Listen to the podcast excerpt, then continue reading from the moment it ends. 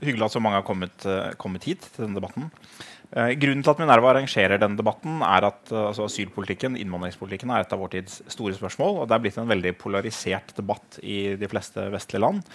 den polariseringen gjenfinnes iblant innad i, i, Minerva også, mellom en liberal fløy og en mer konservativ fløy. det jeg skal argumentere for i denne innledningen, er at de to fløyene burde kunne ha noen felles interesser sånn som asylsystemet i dag faktisk virker, eller rettere sagt ikke virker. Uh, og Man burde, burde, i hvert fall kunne enes om at dagens system er dårlig. Og så kan man se om man kan enes om noen skritt i retning av forbedringer. Utgangspunktet for uh, hele hvis vi holder oss til asylsiden, asyl- og fluktsiden, er at vi har en global migrasjonskrise, flyktningkrise, hvor 17,2 millioner mennesker i dag er såkalte UNHCR-flyktninger. Uh, og i tillegg til uh, internt fordrevne og uh, palestinske flyktninger som er under et annet regime. Det er veldig mange mennesker, og bare relativt få av disse kommer til Europa. I 2015 og 2016 kom drøy, en drøy million, 1,3-1,2. I fjor kom det ca. 600 000. Endelige tall er ikke helt klare. Og av disse er det rundt 40% som får opphold. 60% får altså ikke opphold. Så det er ca. 250 000 som fikk opphold, eller vil få opphold av dem. Hva er problemet med det? Det er at Europa hjelper da årlig kanskje rundt 1% av flyktningene, litt mer enn det, eh, på vei gjennom opphold. De gir beskyttelse ca. 1 eh, hvert år. Til sammen mer, selvfølgelig, men årlig ca. 1 Av de som kom til Europa i 2017, var det ca. 3000 mennesker som druknet i Middelhavet. Det er en pågående krise i Middelhavet. I årene før, da det kom flere flyktninger, og da Europa tok imot flere, døde også flere, rundt 4000 hvert år i 2015 og 2016.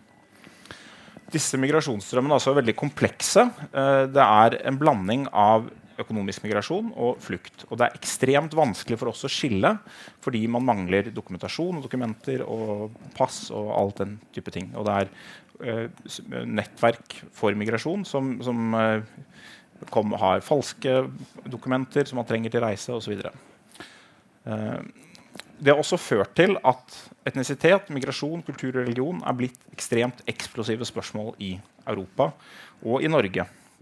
Uh, og, det er, og sammenblandet med økonomiske utfordringer. Altså flyktningmottak er også ekstremt dyrt. Denne debatten har vi hatt i Norge over lang tid med Brochmann 1 og Brochmann 2. Uh, og man kan være uenig i enkelte forutsetninger og, og, enkelte beregninger, men det er ingen tvil om at det er veldig veldig kostbart, og at man kunne brukt pengene uh, på å hjelpe flere flyktninger på annet vis. Uh, jeg mener at dette problemkomplekset har ekstremt alvorlige konsekvenser for europeisk politikk. Under den, det vi kan kalle den europeiske tappen av flyktningkrisen, altså høsten 2015, etter Merkels Wirschaffendas, gikk høyrepopulistiske partier frem rundt 7 prosentpoeng på tvers av europeiske land.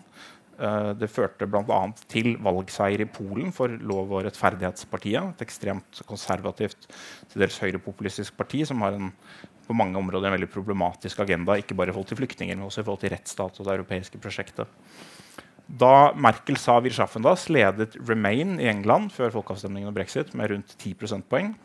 Uh, hver dag etter det så tapte de, og tapte til slutt ja, avstemningen. Mer spekulativt kan man diskutere om Trump også fikk drahjelp av flyktningkrisen. Uh, Jakob Ravndal, som er en forsker på dette i Norge, har skrevet en doktorgradsavhandling hvor han i hvert fall finner at høyrepopulisme eh, henger sammen med størrelsen på innvandringen. Det ser vi også både i Norge og i, i Sverige. For, for så vidt. Det fører også til at vi fører en ekstremt inkonsekvent politikk eh, hvor vi eh, selv om det kommer relativt mange, så mange at det er et politisk eh, utfordrende problem, så gjør vi veldig mye for å hindre at det kommer folk. Og det viktigste som alle europeiske land gjør, er at man får ikke visum for å søke asyl. Og man kan ikke søke asyl uten å komme hit. Det er en fundamental selvmotsigelse. Det går an å nyansere litt, men det, i utgangspunktet er det en fundamental selvmotsigelse. Vi gjør alt vi kan for at de som har rett til å få opphold, ikke skal kunne utøve retten ved å søke asyl. Og som at, de som tenker at jeg kunne ikke endret på det, sånn at alle kunne komme og søke asyl så Hvis vi tenker at uh, 1,3 millioner som kom i 2015 til Europa. Da kom det 160 000 til Sverige. Det kom på tross av dette systemet. Hvis vi tenker oss at vi skulle fjernet kravet om visum, for eksempel, så ville tallene vært politisk fullstendig uhåndterbare. Og det er egentlig alle enig i. Vi sitter også, det er også en litt sånn paradoksal situasjon med at de som er aller mest bekymret for høyrepopulismens vekst, også ofte er pos mest positive til innvandringen, uten å se uh, at de to tingene er fenomener som, som korrelerer. Uh, et annet problem med dagens politikk er at veldig, veldig, mye av politikken i tillegg til dette med visum handler om å uh, sende strenge signaler.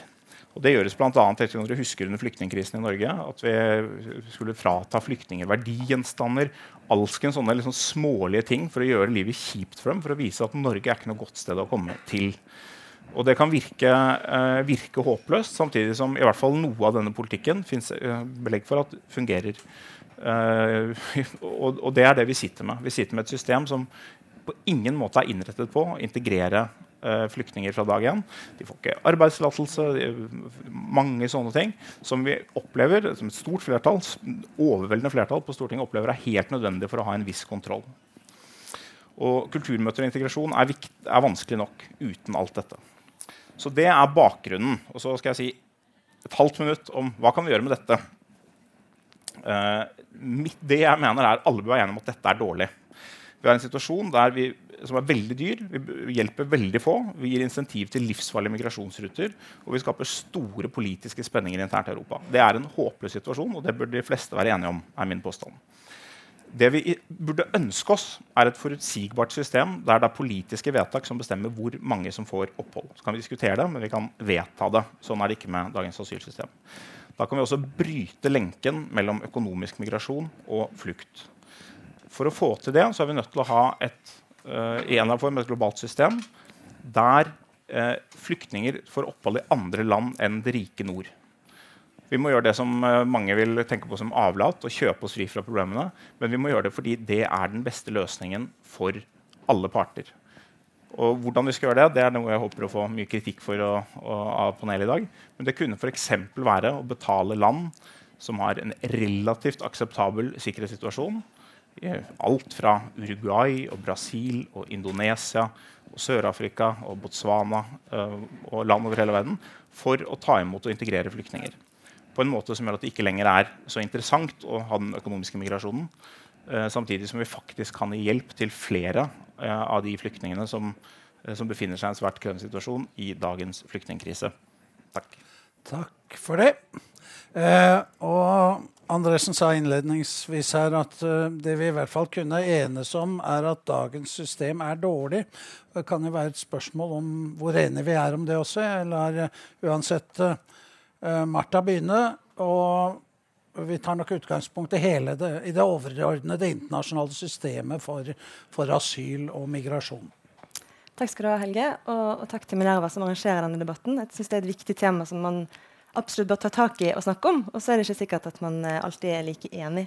Men jeg vil kanskje begynne med noe av det jeg er enig i. Eh, og det handler litt om at hvordan man eh, fra norsk hold bidrar til å løse situasjonen for forfulgte verden over må kunne ses på på nytt. Og det må kunne være mulig å gjøre ting bedre både fra norsk hold og europeisk hold enn det man har fått til så langt eh, på det globale nivået også. Men jeg tenker at det fordrer en del ting. Så vi begynner med et par punkter på det, og så får jeg se når du eh, sier at jeg må stoppe. Eh, det er fem punkter som jeg tenker er helt nødvendig eh, for at man skal kunne måtte, gjøre noe i forhold til dette. Og Det handler da om reell økonomisk støtte til UNHCR som er kronisk underfinansiert, nettopp i disse regionale områdene hvor de prøver å, hjelpe flyktninger i nærområdene. Man trenger også partnerskap med de landene hvor de aller, aller fleste flyktninger i verden faktisk bor, som er nabolandene. De aller fleste er jo tross alt også internt fordrevne innad i, i landene, så det sier noe om at folk reiser jo stort sett ikke så langt. Men nabolandene, Jordan, Libanon, er noen nærliggende eksempler. Pakistan og Iran i forhold til Afghanistan. Disse landene har trengt støtte i årtier og ikke fått det fra det globale nord i stor grad. Man trenger også solidaritet med disse landene ved å ta imot overføringsflyktninger. Som man jo har gjort tidligere i større grad. Norge er et av de landene som fortsatt har gjort det med relativt små kvoter, men har likevel gjort det. Det er noe man må se på mer. Eh, og man må også være åpen for en grad av asylsøkere som kommer også. Og Det handler også om legitimitet i det internasjonale samfunnet overfor andre land som tar imot så mange. Et annet spørsmål som handler om legitimitet i det større bildet her, det er å ha lovlige kanaler for migrasjon. Jeg tror egentlig det er vanskelig å se for seg en løsning på dette globalt hvis ikke man også eh, overordnet diskuterer lovlige kanaler for migrasjon internasjonalt, også til Norge. Og til slutt så tenker jeg også litt sånn i forhold til en del av de tingene du spiller opp, Nils August, i forhold til populisme og sammenhenger sånn. Vi trenger en ny fortelling om innvandring og mangfold. Vi trenger å bevege oss fra et krisescenario til et mulighetsrom. Eh, hvordan man håndterer mangfold, det tenker jeg handler veldig mye om hvordan vi forvalter mangfold som mulighet eller som problem. Jeg tror ikke egentlig at det er gitt. Jeg, jeg tenker ikke at, eh, at, mangfold aldri byr på problemer. Jeg ser veldig godt utfordringene, jeg ser veldig godt spørsmålstegnene. Men jeg tror det er litt eh, defensivt å tenke at det er gitt at det er et problem. Jeg tror det handler om forvaltning, jeg tror det handler om statlig styring, om samfunnet, om aktører i samfunnet, og hvordan man forvalter et gitt mangfold i et samfunn til det felles beste. Eh, og så I forlengelsen av det bare et kort punkt. Eh, vi har jo snakket mye tidligere i fjor blant annet, om denne boken 'Refuge' fra Alexander eh, Betz og Paul Collier, som sikkert en del her kjenner til. Den har jo vært debattert mye i ulike fora. Eh, et av de viktigste poengene fra den boken som jeg synes er viktig å trekke fram, det er fokuset på individets autonomi. Og Det er noe av det viktigste i forhold til hvordan man tenker rundt flyktningspørsmål globalt. Flyktninger er enkeltmennesker først og fremst. og Det må vi aldri glemme når vi tenker statistikk og tall og strømmer og, og flom av flyktninger og den type begreper som dessverre ofte brukes. Dette er enkeltmennesker, og deres autonomi er veldig viktig og en helt nødvendig del av en hvilken som helst løsning i forhold til flyktningspørsmål, hvor enn vi ser på det i verden. Og Her er utfordringen litt at de løsningene som Betz og Collier skisserer, er i stor grad det man egentlig har prøvd i årtier i ulike settinger globalt. Nemlig at folk flytter så kort som mulig i håp om at de kan returnere. Problemet er bare at veldig mange konflikter globalt varer i år, i årtier, og barn fødes i eksil. Og alt som skjer, er et liv på vent mot en retur som ikke skjer. Og Det er ikke en konstruktiv måte å håndtere globale flyktningkriser. Jeg tror jeg stopper der denne omgang. Takk skal du ha, Martha. Sylo, ditt, um, ditt anliggende var jo større realisme i i asyl- og innvandringsdebatten. Og det er rimelig at du bare går rett inn i den. Takk for det. God kveld, alle sammen. Jeg får begynne med å si noe om uh, hva som fungerer bra uh, med dagens system. Og det er at mange får faktisk beskyttelse i Europa. Mange blir integrert og klarer seg fint. Uh, men baksiden av medaljen er at det er store humanitære konsekvenser av dagens ordning. Som det ble nevnt, så er det mange som dør på veien til Europa. Og asylreisen er faktisk farligere enn konflikten i Afghanistan og i Syria. Eh, det døde eh, rundt 3000 eh, sivile i Afghanistan fra terror og krigshandlinger. Over 3000, eller rundt der, dør hvert år i Middelhavet og i Egerhavet. Ca. 10 000 sivile døde i 2017 i Syria. Men i forhold til populasjonen så er det mye farligere å reise til Europa som asylsøker. Det sier noe om, om problemet. Eh, men i motsetning til å stabilisere disse landene, som, krever, um, som er veldig vanskelig, så kan vi faktisk gjøre noe med disse tragediene uh, i forbindelse med menneskesmugling. Eh, og vi har også et moralsk ansvar i og med at de, disse er på vei hit. Og på en måte så er det systemet som lokker dem til døden.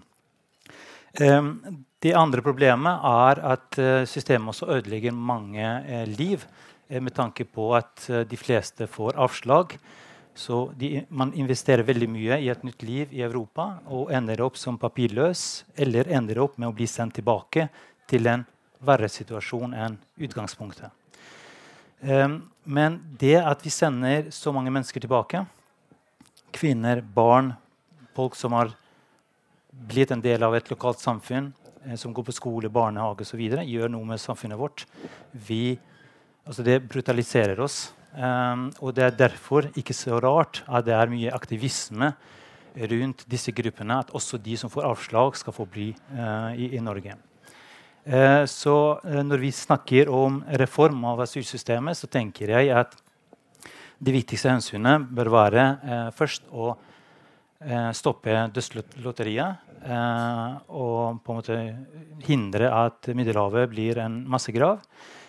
Og å unngå at vi returnerer folk. At de som kommer som flyktninger hit, de som vi tar imot, er også personer som skal integreres. Det er slik vi skaper forutsigbarhet for alle parter. Og blir bedre i stand til å lykkes med integrering. Takk skal du ha. Terje, det er din tur. Tror du jeg kunne få lov å stå? Det er noe med de beina mine som ikke passer helt. Du kan stå så mye du vil. Eh, takk for invitasjonen. Eh, New York-erklæringen. Opp med hånden, de som har hørt om den. Det var jo hele tre personer. Jusbenken der nede. Ja.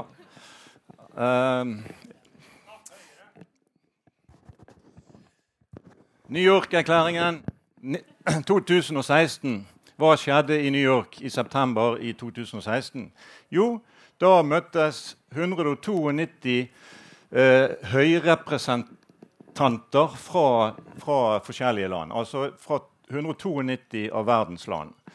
Til stede var også Erna Solberg med uh, integreringsministeren på slep.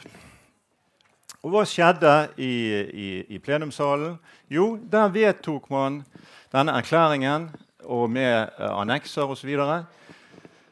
For å si det litt kort Det ene man da var enige om altså 192 av verdens statsledere vedtok dette ved konsensus. Det ene man var enige om, var at det nåværende regimet bestående av UNHCR, eh, Flyktningkonvensjonen, 1967-protokollen og den beskyttelsen som også ligger i andre menneskerettskonvensjoner, skal fortsatt gjelde og være på plass i årene fremover.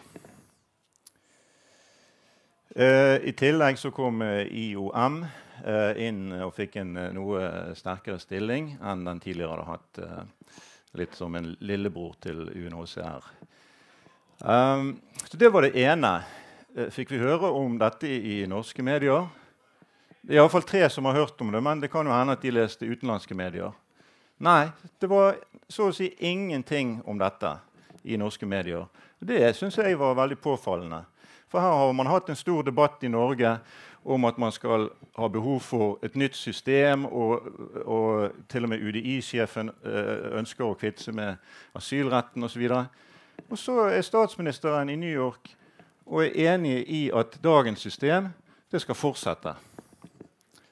Men man skal forsøke å forbedre det ved å gjøre noen ytterligere grep. Og Det som da er, er grepene, det er, er det som uh, ble kalt Comprehensive Refugee Framework, som ble skissert i erklæringen. Og så er det en prosess da, som skal gå til slutten av i år. Og da skal man vedta noe som heter Global Compact. Um, vil det bli en bindende avtale? Neppe. Men det vil bli en forpliktende erklæring som da antagelig skal uh, opp i generalforsamlingen igjen. Uh, så Det er liksom det internasjonale samfunnets offisielle tenkning om, uh, om flyktningsystemet. Og så ser man jo at Det står i veldig kontrast til mange av de debattene som føres nasjonalt, og det som sies av politikere nasjonalt. Jeg har ikke hørt noen ting fra Erna Solberg så vidt jeg kan høre, om New York-erklæringen, og, at den har noen betydning i, i forhold til norsk debatt. Uh, Sylvi Listhaug uh, er jo allergisk mot ordet 'flyktning'. Jeg har aldri hørt henne bruke det ordet. Så det kan ikke vente at hun nevner New York-erklæringen. Men dette er altså noe som er ganske merkelig, synes jeg. Så kan man si asylsystemet, det internasjonale flyktningsystemet, uh, kan få skylden for mye. Men er det egentlig riktig? Hva er egentlig dette systemet? Jo, det er jo et system for å egentlig behandle noen symptomer. Det er jo ikke sånn at det er flyktningesystemet, altså det internasjonale flyktningregimet, asylretten, som gjør at folk blir flyktninger. Det er jo helt andre mekanismer som, som er til stede. Sant? Det er krig, det er konflikt, det er enorm produksjon av våpen, det er enorm produksjon internasjonal våpenhandel. Eh, relativt ukontrollert. Uh, ingen skattlegging på internasjonal våpenhandel. Det er en masse ting som foregår. som gjør at det blir krig og konflikt. Det er mange land som er interessert i å ha krig og konflikt. Man får øvelsesområder, man får bruke våpen. Eh, det er stormaktsinteresser. Og det er jo én ting som selvfølgelig er veldig drivende, det er at Kina, Russland og USA er i clinch. De stoler ikke på hverandre, og de dyrker kanskje også til dels disse konfliktene. Det er jo det som er det store problemet når det gjelder flyktninger i dag. Og har, Sånn har det i grunnen vært hele tiden. Altså, Det er ikke flyktningesystemet nødvendigvis er noe feil ved. Men så kan du si, vi ser jo det at flyktningsystemet lider av en rekke svakheter ut ifra det som faktisk skjer. Så det er all grunn til å diskutere både det ene og det andre. Og Sylo har tatt opp uh, ting, og, og, og uh, Nils August har uh, reist spørsmål. Og jeg, jeg syns det er veldig fint at man, at man, reiser de spørsmålene. Men jeg, jeg har en liten mistanke om at i innlegget til Nils, Nils, August her, så var det en forveksling av årsak og virkning.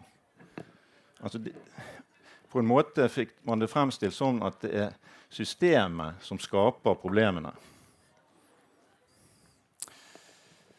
Og det er en veldig overfladisk måte å se det på, etter min mening. Det gir meg med det. Nils August? Ja, jeg får, jeg får, besvare denne påstanden om overfladiskhet. Så kommer jeg litt tilbake til, til noe av det Martha tok opp. Altså, jeg er ikke uenig i at altså, jeg, mener ikke at det er flyktningsystemet som skaper de til grunnleggende problemene. Altså selve, selve, flukten. Den skapes jo av helt andre ting. Uh, jeg tror at for norsk utenrikspolitikk så er det å avskaffe stormaktskonflikt og krig ikke en realistisk eller fruktbar målsetting.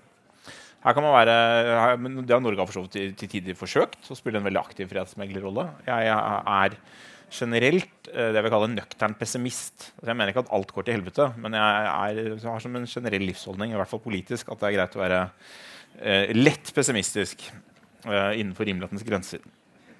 Og jeg tror det er litt begrenset hva vi kan gjøre med det.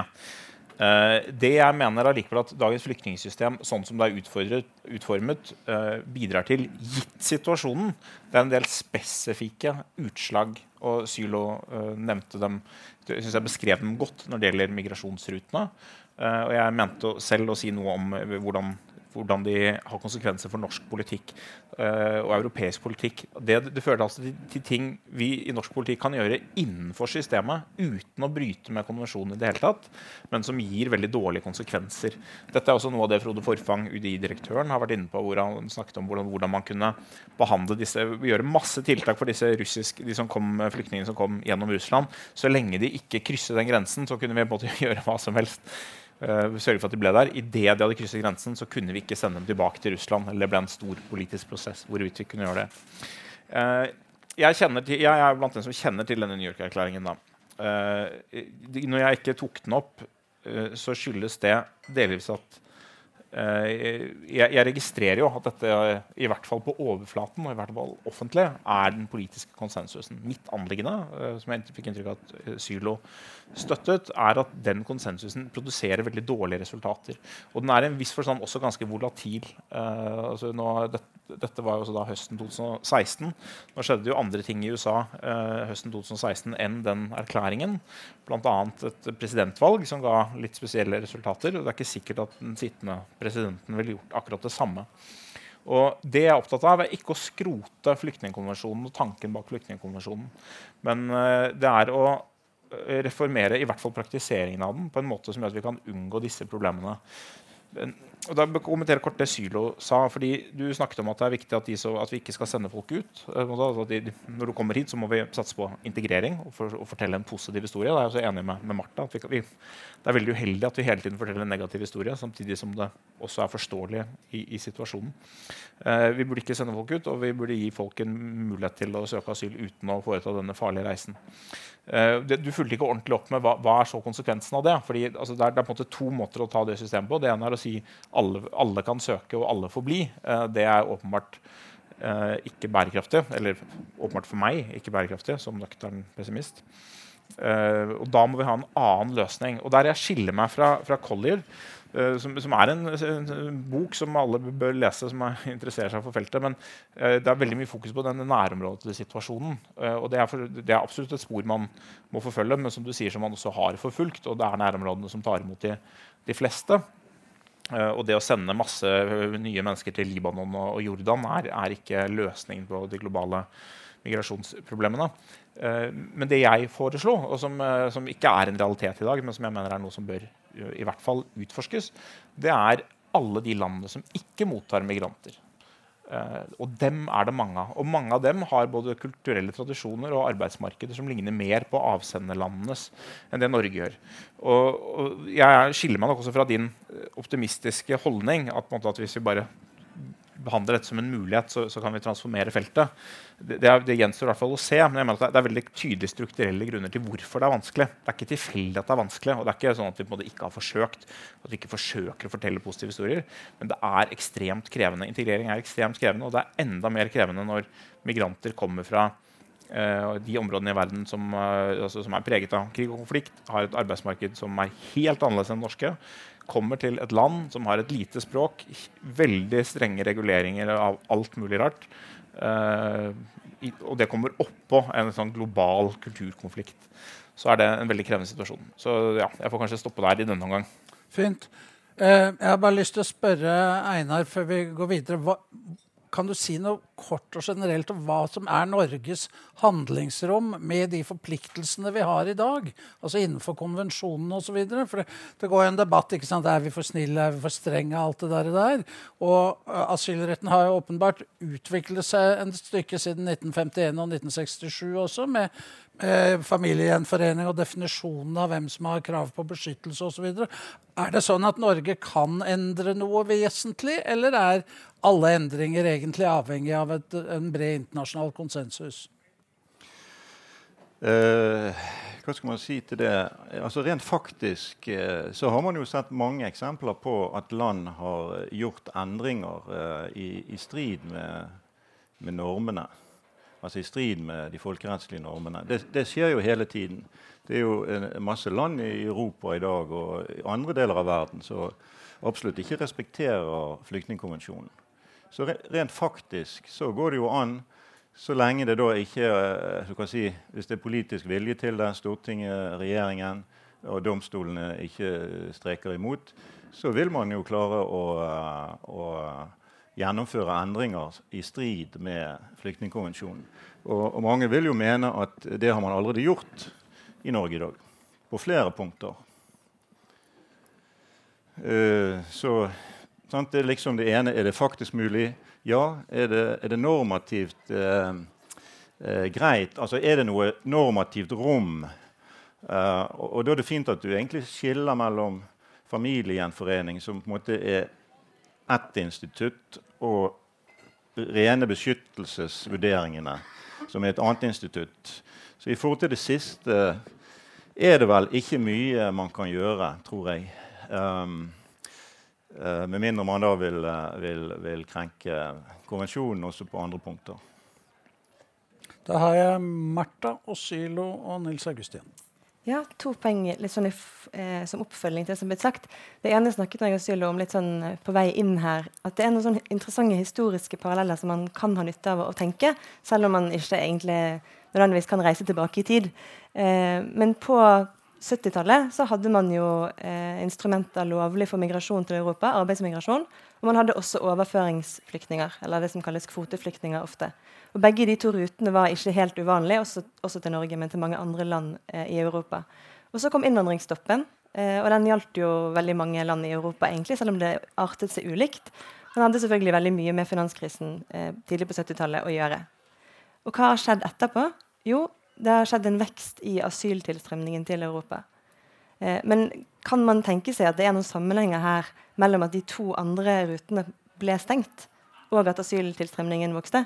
Det mener vel de fleste som ser på dette feltet, at det er noen sammenhenger her. Så betyr det ikke nødvendigvis sånn eh, at hvis man åpner opp igjen de to, eh, at asyltilstrømningen automatisk vil stoppe. For det er en del historiske ting som har endret seg også, og også i forhold til muligheter for reiser som er blitt mye, mye mer tilgjengelige. og sånne ting. Men jeg tror det er en interessant historisk parallell likevel å, å tenke på. Og hvorfor det? Jo, fordi Eh, det som da har drevet eh, politikken i Europa egentlig siden dette, har vært et ønske om å begrense innvandringen til Europa. Punktum. Egentlig.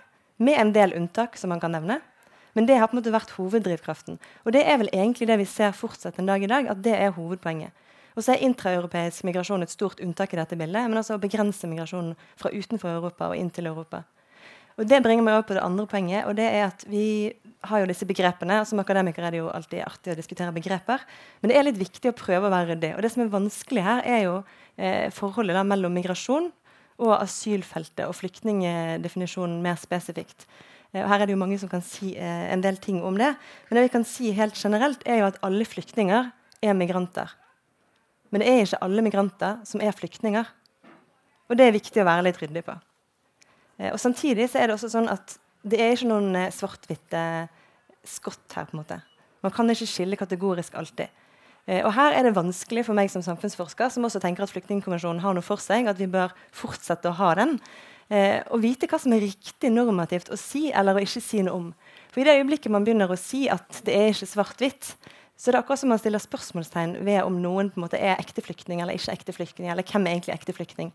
Eh, og det er åpenbart sånn at veldig mange eh, faller inn under Flyktningkonvensjonens definisjoner.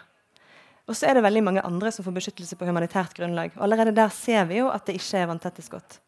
Og så er det veldig mange andre som kanskje i løpet av den reisen som Sylo beskriver, havner i situasjoner som betyr at de er under forfølgelse.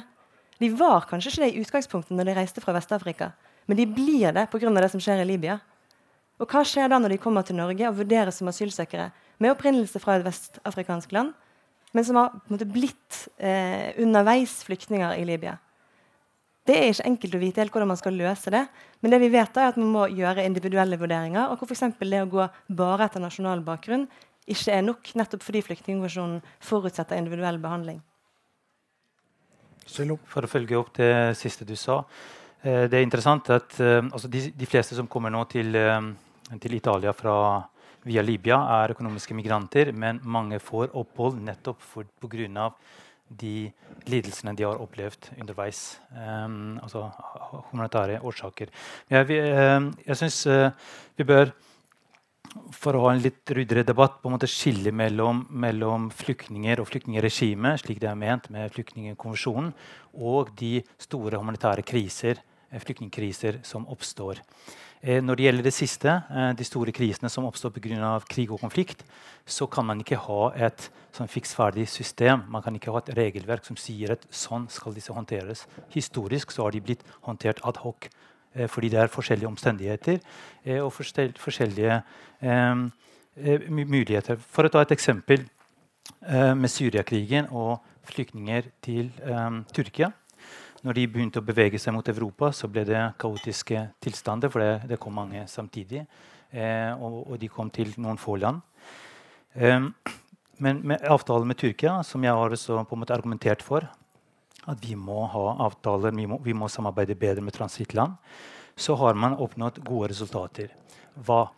Eh, for det første så har man stoppet, eh, man har redusert eh, dødstallene med 85% fra 800 døde i Egerhavet i 2015 til 61 døde i 2017. Så 700 færre døde. For det andre så har man bedret situasjonen for syriske flyktninger i Tyrkia betraktelig. Over 3 milliarder eh, eh, euro ble eh, i første omgang gitt til Tyrkia, som sørger for at syriske flyktninger mottar sosialhjelp.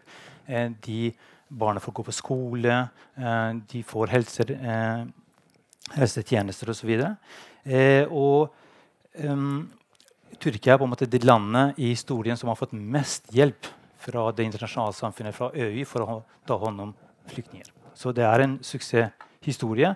Det som ikke fungerer bra eh, med den uh, løsningen, eh, er eh, på europeisk side. Også det er eh, Flyktninger behandles dårligere i Hellas enn i Tyrkia. Eh, selv om det er mye penger der, så fungerer ikke ting bra. Og det, man klarer heller ikke å fordele de fra eh, Hellas eh, og videre. Og den ideen, den Tyrkia-dealen, eh, den ble egentlig utviklet av en tenketank i, i Tyskland som Merkel eh, plukket opp. Eh, og den er veldig komplisert, men det sier noe om at så, sånn er det ofte. Man må samarbeide med de land som berøres, og se hvordan man kan både solidarisere seg med flyktninger, men også med de landene som, som blir berørt. Eh, og når det gjelder det å eh, åpne for lovlig opphold eh, så mange har økonomiske insentiver for å komme til Vest-Europa, men fordi man ikke har andre muligheter, så bruker man asyl som, som kanal. I 94-95 eh, tror jeg det var, så begynte, eh, begynte en båtmigrasjon fra Cuba til USA. Eh, som kunne også være, ha fatale konsekvenser. Men hva gjorde amerikanerne? Jo, de inngikk en avtale med Cuba om at de stopper migrasjonen, altså den ulovlige migrasjonen mot at USA åpner for 20 000 eh, arbeidsmigranter derfra årlig. Det, det, er slik vi må tenke også når vi eh, skal samarbeide med afrikanske land eller andre. Åpne for lovlig migrasjon mot at de eh, på en måte tar og samarbeider for å hindre irregulær migrasjon. Det historiske bakteppet er jo viktig. Jeg skulle ønske jeg skjønte det bedre. Men det som skjedde i 2015, det var jo en slags europeisk forestilling om at en demning brast, og at det plutselig kom fryktelig mange flere. Eh, og det hadde med forholdet på, eh, i nærområdet mellom Tyrkia og Hellas å gjøre. Og det hadde med en rekke andre ting, og i og for seg Merkels eh, uttalelser osv. Og, så og siden så, eh, så møtte jo dette en slags tilstramning av grensekontrollen i veldig mange land, og noen stengte grenser også i realiteten i Sentral-Europa. Eh, og tilsynelatende så er situasjonen nå forholdsvis rolig. Men hvis det oppstår en akutt krise som skulle sende et uh, veldig stort antall mennesker på flukt nordover, uh, håndterer vi det med det systemet vi har i dag, eller gjør vi det ikke? Einarsen skrev vel uh, i en artikkel i Aftenposten for et par år siden at, at selve tanken om eh, mottakssentraler og kanskje langvarig opphold i nærområder støttet av FN med, på, på, basis av sikre menneskerettigheter og, og, midler til opphold, kanskje var en nødvendig vei å gå for å, for å ordne dette antatte problemet bedre. Mm. Ja, altså eh, Du har en diskusjon som går på eh, at man skal fjerne asylordningen og så vet man ikke helt hva som da skal komme istedenfor. Det er en veldig vanskelig diskusjon eh, og et, et veldig uh, dårlig forslag, syns jeg, å, å, å, tenke i den retningen. Eh, det, det, det, andre som er mye mer interessant, og som jo også var det man, man vedtok i, i, New York i, i, i 2016, det er jo hvordan kan man forbedre og supplere dagens system.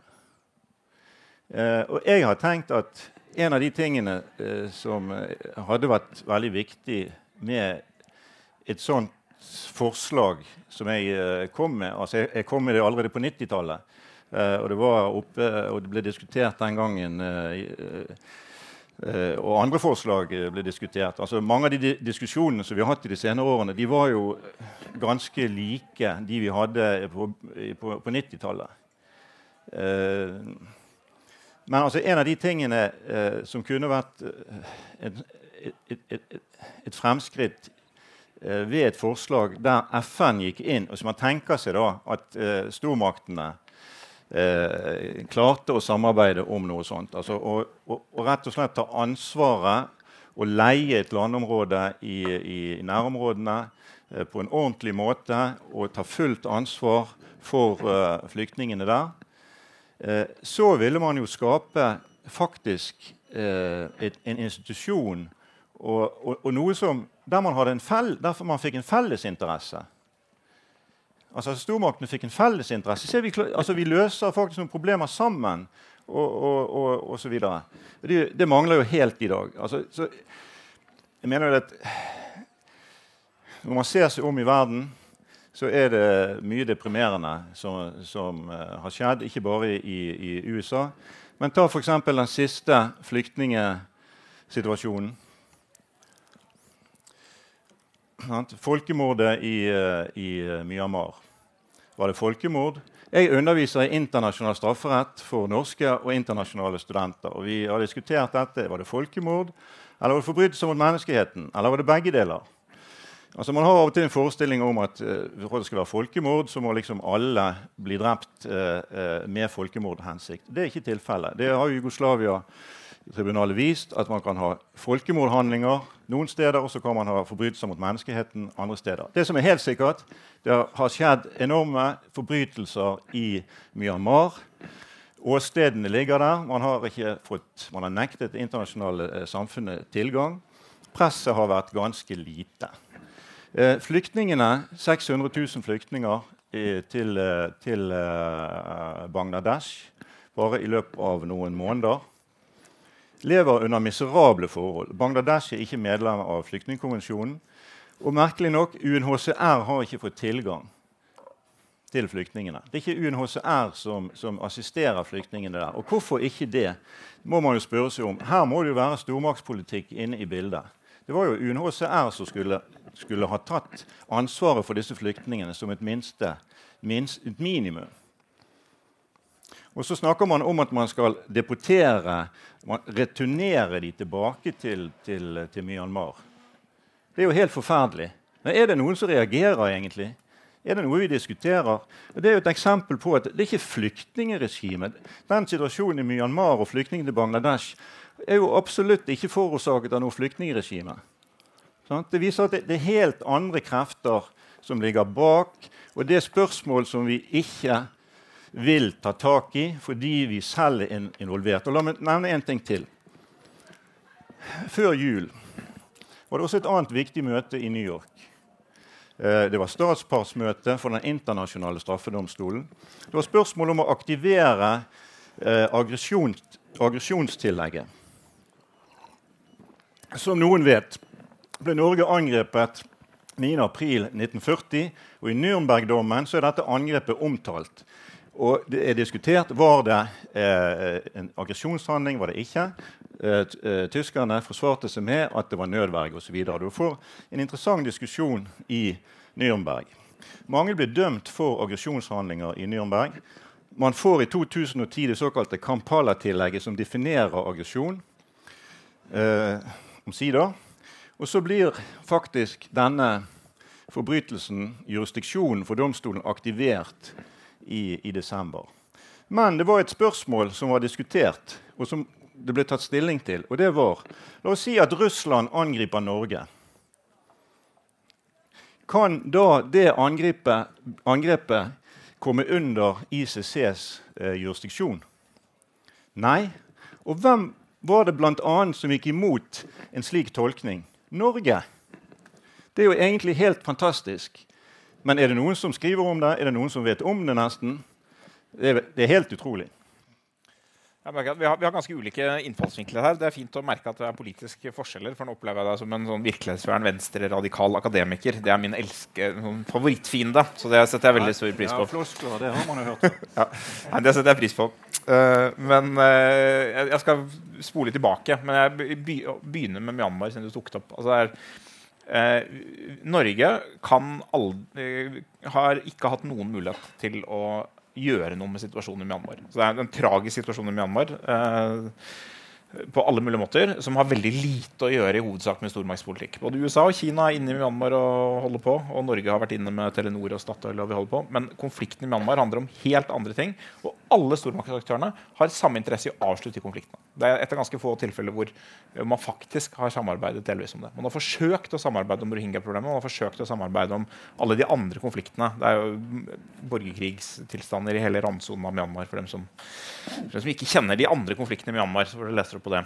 Uh, det er en konflikt med rohingyaer, som da er altså nære etniske frender av en befolkning på andre siden av grensen mot Bangladesh. Det er derfor de er der. og Det er også derfor de ikke blir sendt tilbake. derfor de ikke får uh, UNHCR for tilgang. Det har ikke noe å gjøre med stormaktspolitikk. og det er en type problemstillinger som Vesten uh, generelt, og som Norge spesifikt, ikke har noen som helst mulighet for å gjøre noe med. Og det å tenke, det er på en måte å si det er det vi burde gjøre noe med, istedenfor å diskutere flyktningkonvensjonen f.eks., eller vår egen nasjonale politikk knyttet til flyktninger, det mener jeg er en avsporing. Og så jeg det, det, som er en ganske vanlig forestilling i Norge, det er at hvis det er et land som har et eller annet slags FN-stempel eller folkerettsstempel, så må det automatisk være identisk med det gode. Jeg synes det var befriende da Frode Forfang eh, snakket om hvordan han opplever flyktningkonvensjonens konsekvenser. For det er mange altså det er så jeg, jeg, er enig i det. Det er veldig mange av hensynene bak flyktningkonvensjonen som er veldig viktige. Det kan godt hende vi kan videreutvikle. Jeg er ikke så opptatt av om vi bruker begrepet videreutvikle eller endre. eller, eller hva vi bruker. Det kan godt hende vi kan jobbe på bakgrunn av mye av det rammeverket. Men jeg, for meg er det veldig tydelig at flyktningkonvensjonen som den faktisk fungerer, gir en rekke veldig dårlige konsekvenser. Uh, og de er så dårlige at vi bør diskutere hvordan, hva vi gjør med dem. Og det som jeg opplever litt, er at uh, både du og, mange av de som er mot det, de er veldig redd for at vi som snakker om det det er egentlig noe sånn Sylvi Listhaug-greier. Vi ønsker egentlig å avskaffe det. Vi, er ikke opptatt av å hjelpe mennesker på flukt. Man kvier seg veldig for å ta i Burde dette egentlig vært gjort annerledes? Uh, og om det ikke er realistisk på å liksom få en internasjonal konsensus om det, er det noe Norge burde gjort annerledes. Uh, og jeg mener at det, man, man, man, kunne stille det spørsmålet helt åpent. og Det er, mange dere gjerne, det er to åpne spørsmål som jeg gjerne vil, egentlig vil utfordre dere på. Det ene er Hvis vi tenker på situasjonen i 2015 Til Sverige kom det 160 000. Uh, det sluttet å komme så mange mennesker til Sverige fordi, avtale, fordi EU inngikk en avtale med Tyrkia som mange folkerettsjurister i Norge var kritiske til om var liksom folkerettslig innafor. Og fordi Sverige selv strammet inn veldig betydelig pga. forholdet internasjonalt. Men hvis den situasjonen hadde vedvart, mener dere at Sverige ikke ville hatt handlingsrom innenfor konvensjonen til å minske antallet unilateralt? Vil si at De måtte vært forberedt på at det kom kanskje 200 000 eller mer. 300 000 var jo lådan til på årsbasis. 300 000 flyktninger årlig til Sverige. Hvor lenge ville det kunnet vare før det førte til en politisk katastrofe? Det er et direkte spørsmål som det er spennende å få et ordentlig svar på. Det andre er, Mitt forslag mener jeg er innenfor dagens uh, flyktningkonvensjon. og Det er å utvikle ordningen med tredjeland til å gjelde flere land enn transittland. Vi kan sende mennesker tilbake til Russland, vi kan sende tilbake til, til Tyrkia. Hvorfor kan vi ikke også inngå avtale med andre land som er trygge, om mottak av flyktninger? Det vil gi oss en mulighet til å skille flukt fra uh, økonomisk migrasjon å, skille det å gi hjelp fra opphold i eh, Norge spesifikt, eller rike land i nord mer generelt. Eh, ha, hva, hva, er det som er galt eh, med den tilnærmingen? I den grad det var en provokasjon, så håper jeg alle vil uh, sveipe innom den. Det er Sylo og Marte og Terje. Jeg får begynne med å si at Jeg er uenig i at flyktningkonvensjonen er problematisk eller står i veien for, for noe. Ehm, jeg har hele tiden argumentert for at uh, migrasjonskrisen vi hadde i 2015, kan løses innenfor uh, flyktningkonvensjonen. At det ikke er behov for å endre flyktningkonvensjonen. det har vært enighet blant partiene, minus uh, SV og MDG, om at Norge skulle ta initiativ for å revidere internasjonale konvensjoner, men det mener jeg ikke er nødvendig. Tyrkia-avtalen bygger jo også på flyktningkonvensjonen og innafor. Eh, så der har jeg fått rett, selv om jeg har fått en del kritikk fra eh, enkelte jurister som mente at det ikke var mulig. Eh, fordi det, det, som sentrale er at man ikke skal sende noen til forfølgelse. Hvor beskyttelsen skal gis, på en måte er eh, ikke eh, problemet. Hvis man får beskyttelse i Tyrkia, så er det innafor. Eh, problemet ville oppstått hvis man sendte de tilbake eller avviste dem. Eh, og Tyrkia sendte dem tilbake til forfølgelse i Syria f.eks. Men det skjer ikke fordi det er en del av avtalen. Det ikke skal skje.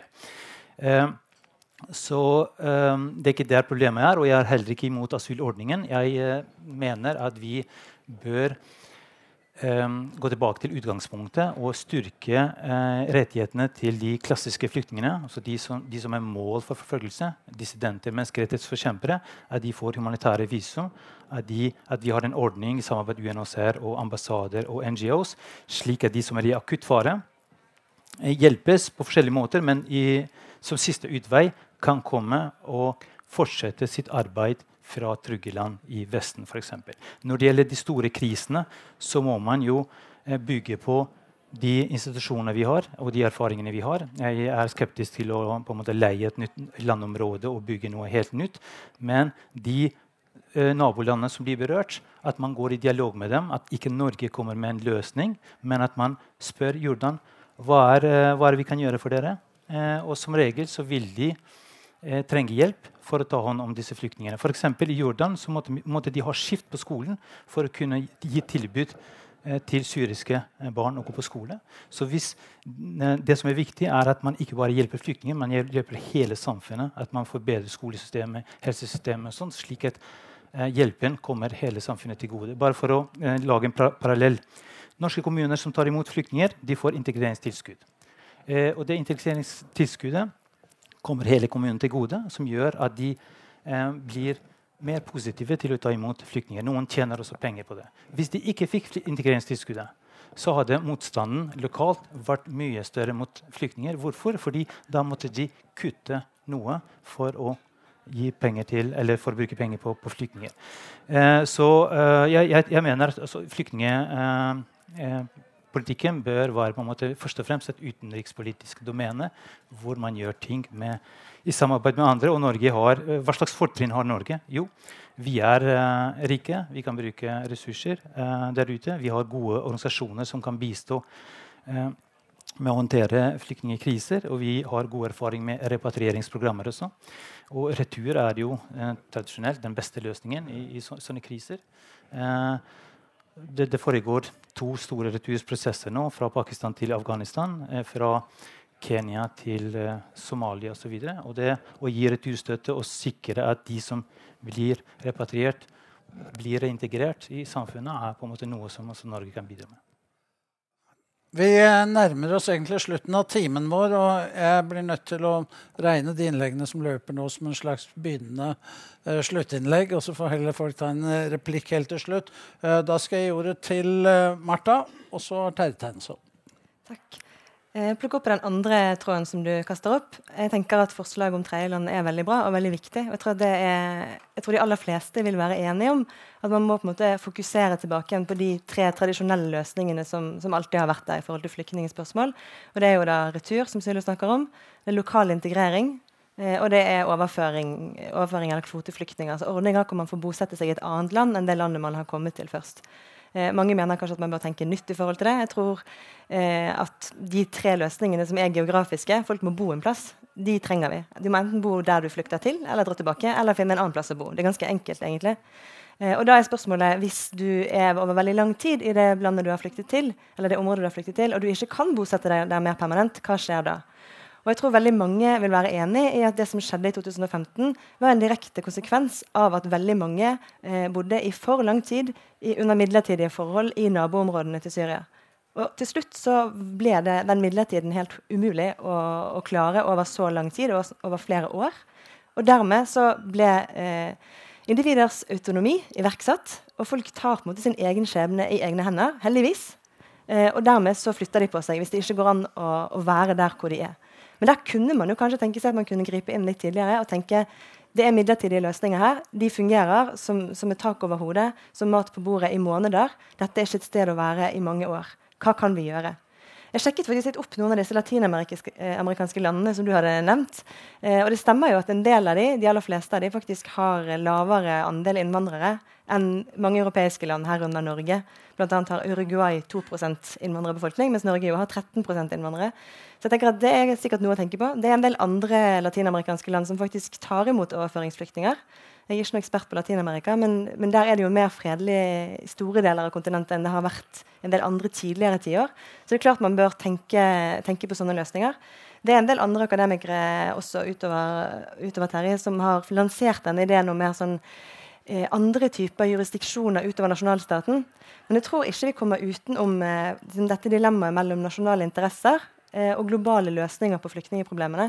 Og da trenger vi sterk, eh, et sterkt FN. Vi trenger en sterk FN-konvensjon på flyktninger. Endret eller uendret, men vi trenger den. Og vi trenger også at disse prosessene som går ut året i, eh, i FN-systemet, eh, håndterer spørsmål om flyktninger og om migrasjon litt mer samlet enn det det ser ut til at de gjør i dag. Og det er en stor utfordring framover. Terje til slutt. Ja, jeg er enig med, med Sylo om, om, det med utenrikspolitikken og med Marta her. Altså, eh, det er jo en av feilene i dag. At, at dette området altså, Noen problemer er globale. De er regionale, de er nasjonale. Og den type problemer kan på en måte ikke gjøres til bare nasjonale problemer.